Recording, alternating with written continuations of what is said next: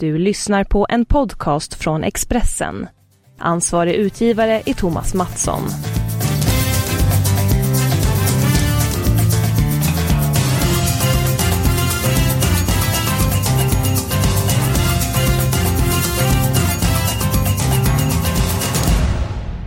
Blev tyvärr inte 13 rätt för oss i lördags, men eh, vi är väldigt nöjda och glada ändå. Sverige spelar VM 2018 i Ryssland. Hur stor bedrift är detta av Jan Anderssons landslag, Magnus? Ja, det är en mycket, mycket stor bedrift.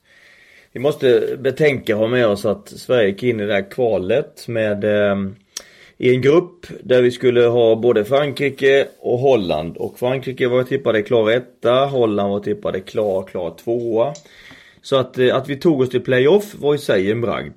Och att vi sen dessutom slår ut Italien, det gör ju det hela givetvis ännu större. Ja, men hur stor är den här eh, bedriften om vi tar det för att menar, alltså, som, vi är nederlagstippat, Zlatan spelade inte.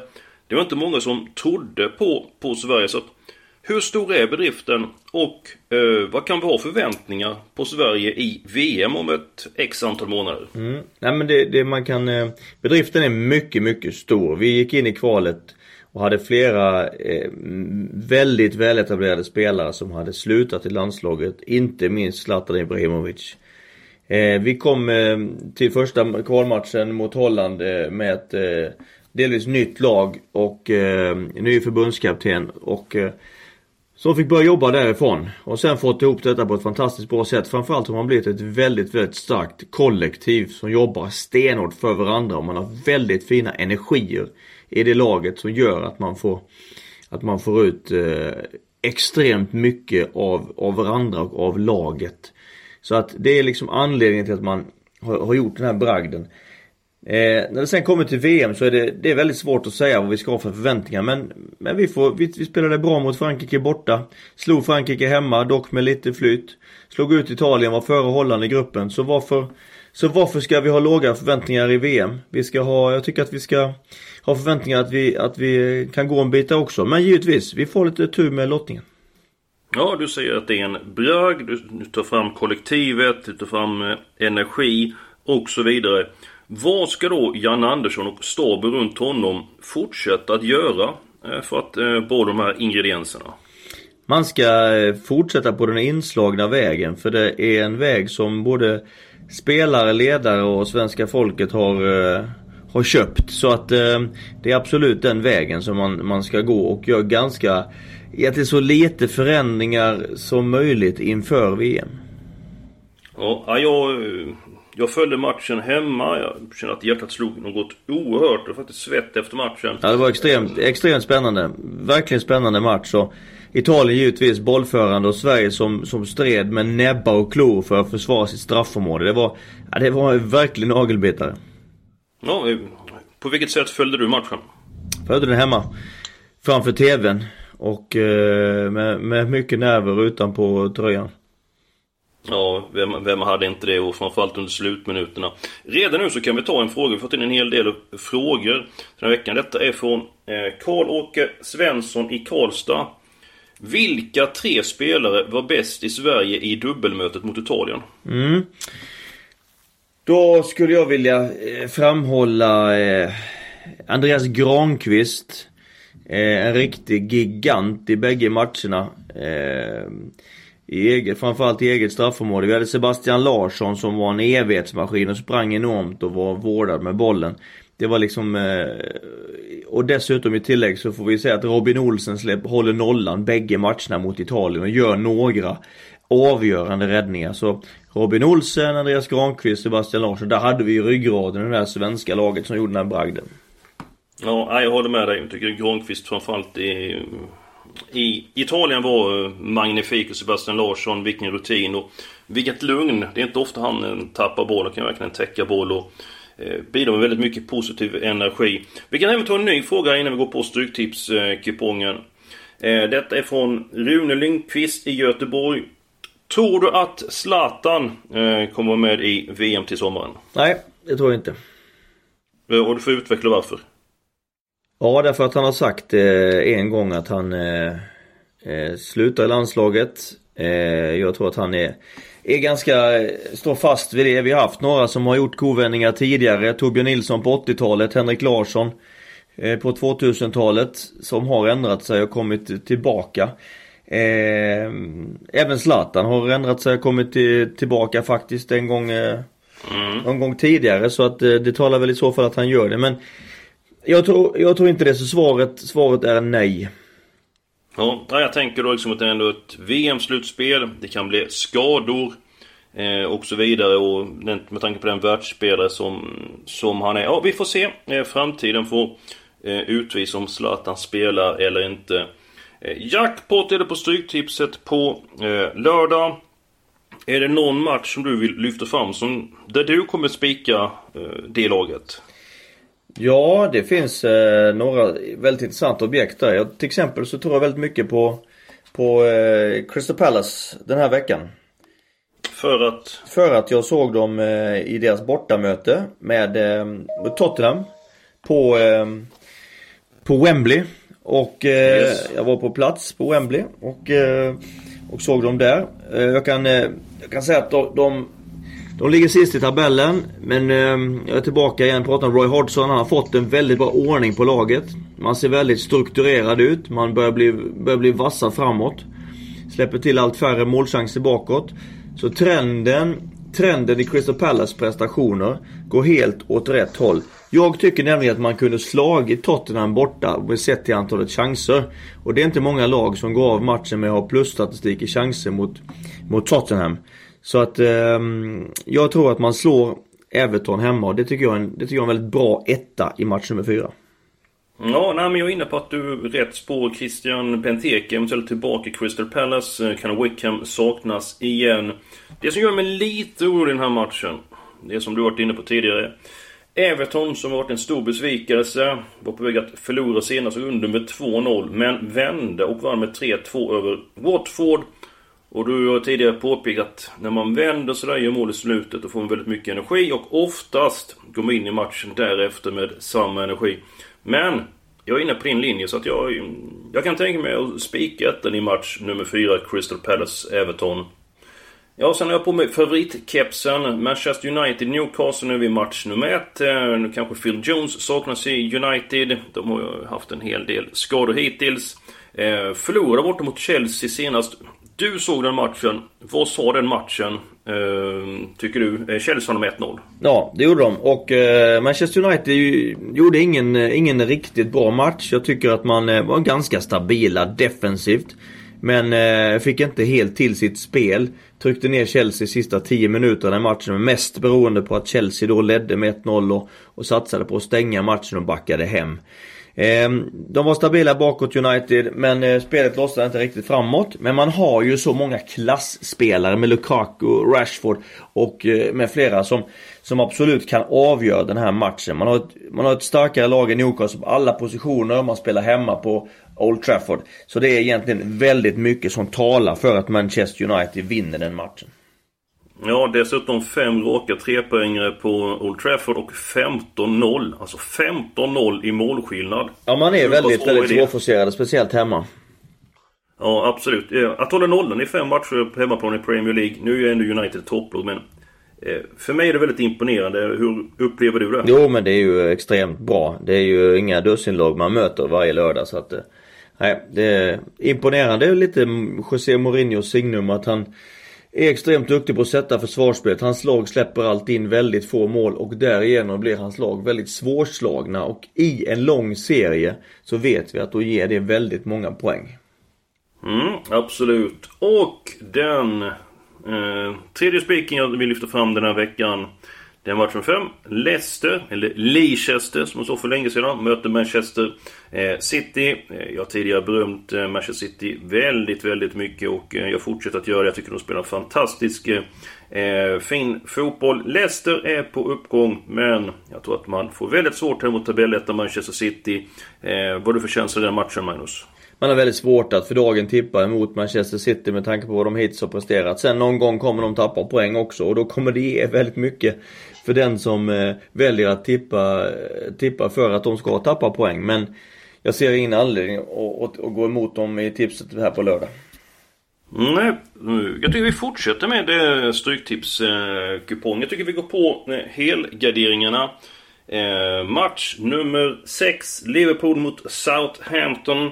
Eh, jag vill ha med alla tecken i den här matchen. Jag litar inte på Liverpool. De kan oerhört mycket när det stämmer för dem. Har en hel del skvank, en hel del frågetecken. Eh, så här mitt i veckan är det tveksamt vilka som spelar eh, för Liverpool. Southampton kan bättre än vad som visat i mina ögon så Utgångstecknet går självklart till Liverpool, men jag blir inte förvånad om det skräller i den här matchen. Du såg Liverpool senast mot West Ham. Hur var, hur var den matchen? Mm, det gjorde jag. Jag såg Liverpool möta ett väldigt skakat West Ham. Det Slaven, visade sig bli Slaven Bilic sista match som manager för West Ham. Ehm, Liverpool fick en drömstart med två mål eh, tidigt i matchen och kunde spela på dem och då blir det ju Liverpools favoritscenario där man får försvarar, Man är aggressiv i sitt försvarsspel och man är oerhört vass i sina offensiva omställningar.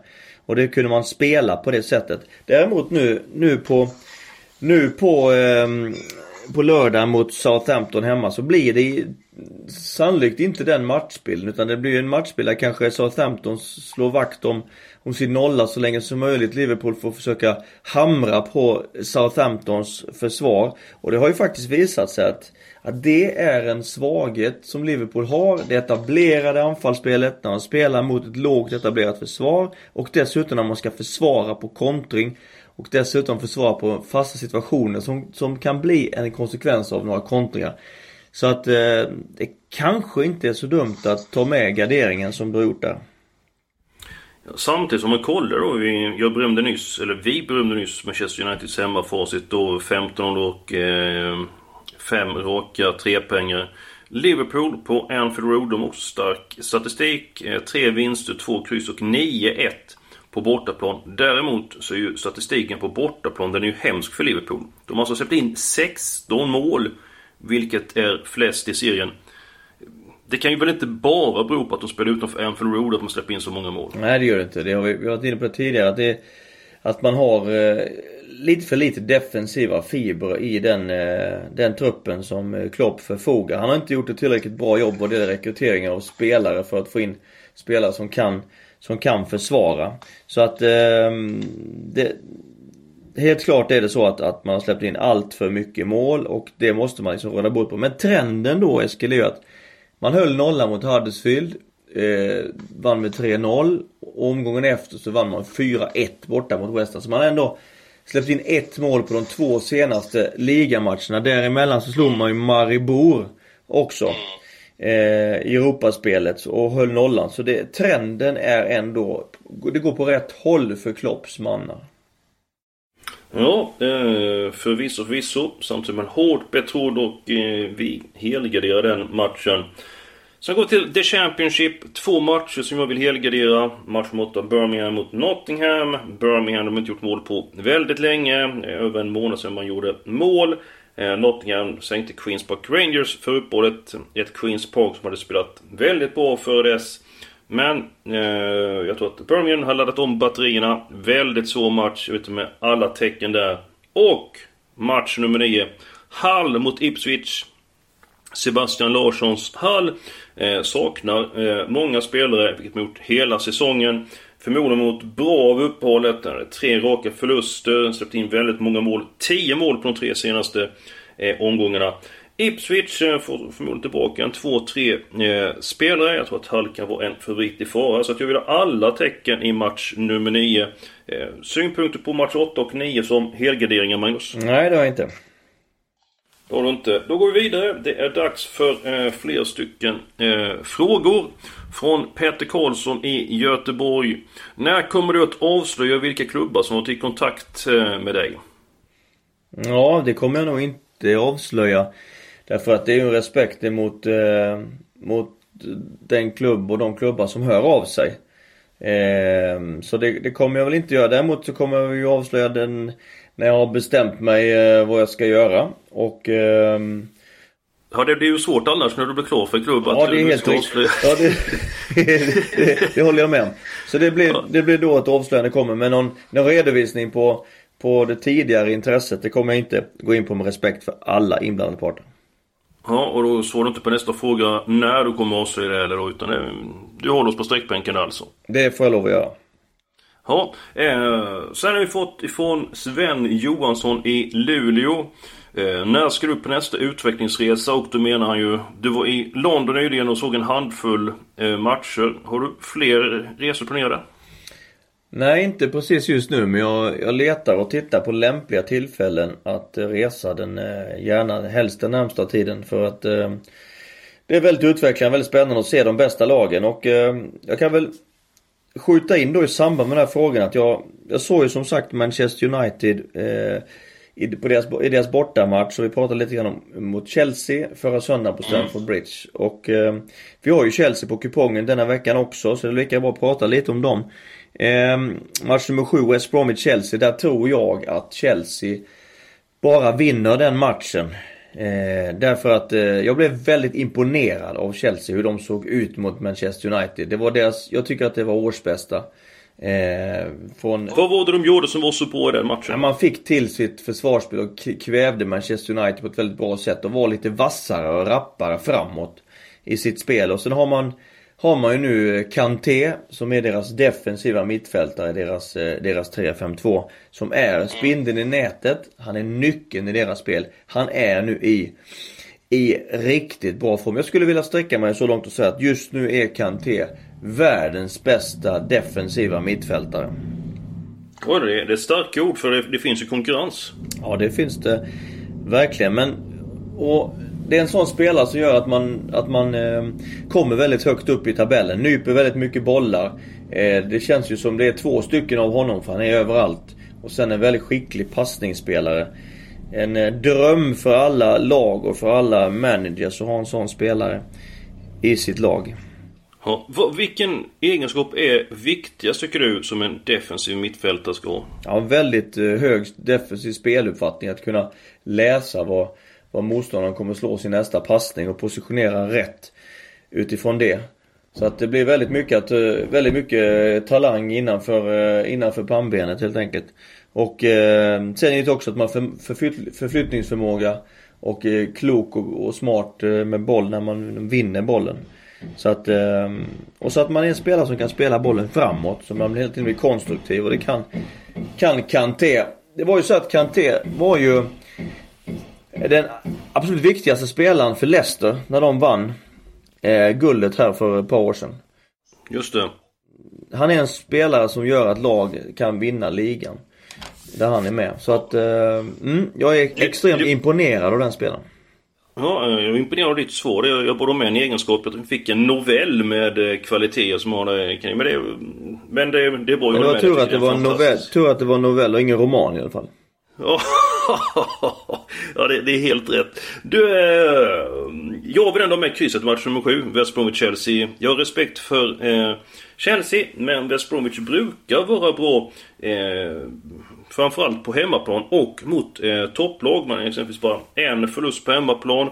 Nu är trenden lite grann negativ. Man har många uddamålsförluster. Eh, men jag tror att man kan gneta till sig eh, en poäng mot Chelsea. Jag tar med krysset på min kupong. Två andra matcher som jag vill gardera. Det är match nummer 11. Wolverhampton eh, spelar borta mot Reading. Eh, Reading har haft enorm otur med skador och är fortsatt hårt eh, åderlåtet. Men jag vill ändå ha med eh, krysset. Eh, man visade bra kvaliteter före uppehållet och möter Wolves med ett starkt självförtroende på hemmaplan så att krysset kommer med. Och Magnus, match 12, Sheffield Wednesday mot Bristol City. Sheffield Wednesday får tillbaka bärande spelare de senaste omgångarna. Även här så pekar formkurvan uppåt men Bristol City har ett riktigt bra lag. Så krysset går med på i match nummer 12. Eh, har du någon känsla kring de här matcherna? Eh, nej, eh, jag tycker att det är vettigt att få med lite garderingar i de här Championship-matcherna. För de är, de är väldigt svårtippade. Det är matcher som är där det handlar om mycket kamp, mycket vad vi kallar för andra bollspel. Och eh, det är inte så värst många lag i den ligan som har en eh, som har ett spelsätt som innebär att man vill liksom spela nerifrån och ha ett passningsspel där man tar sig förbi en lagdel i taget. Utan det, det är ofta en lång boll, det är andra bollspel, det är mycket inlägg, det är massor av kamp. Eh, och det gör att, att det blir lite ojämna resultat. Så det, det, det hänger väldigt mycket på den mentala insatsen som lagen gör i, i varje match. Ja, nej jag håller med dig. Det kommer en hel del grejer i avslutande matcherna. Däremot kommer jag spika ett match om 13 Sunderland mot Millwall. Efter 11 månader utan seger på hemmaplan så ska förbannelsen brytas och jag har en stark känsla för att Sunderland slår eh, Millwall till helgen.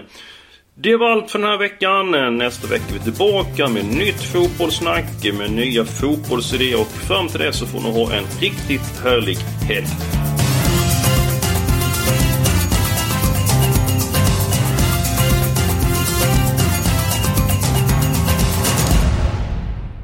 Du har lyssnat på en podcast från Expressen.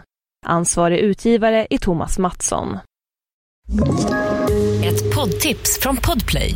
I fallen jag aldrig glömmer djupdyker Hasse Aro i arbetet bakom några av Sveriges mest uppseendeväckande brottsutredningar.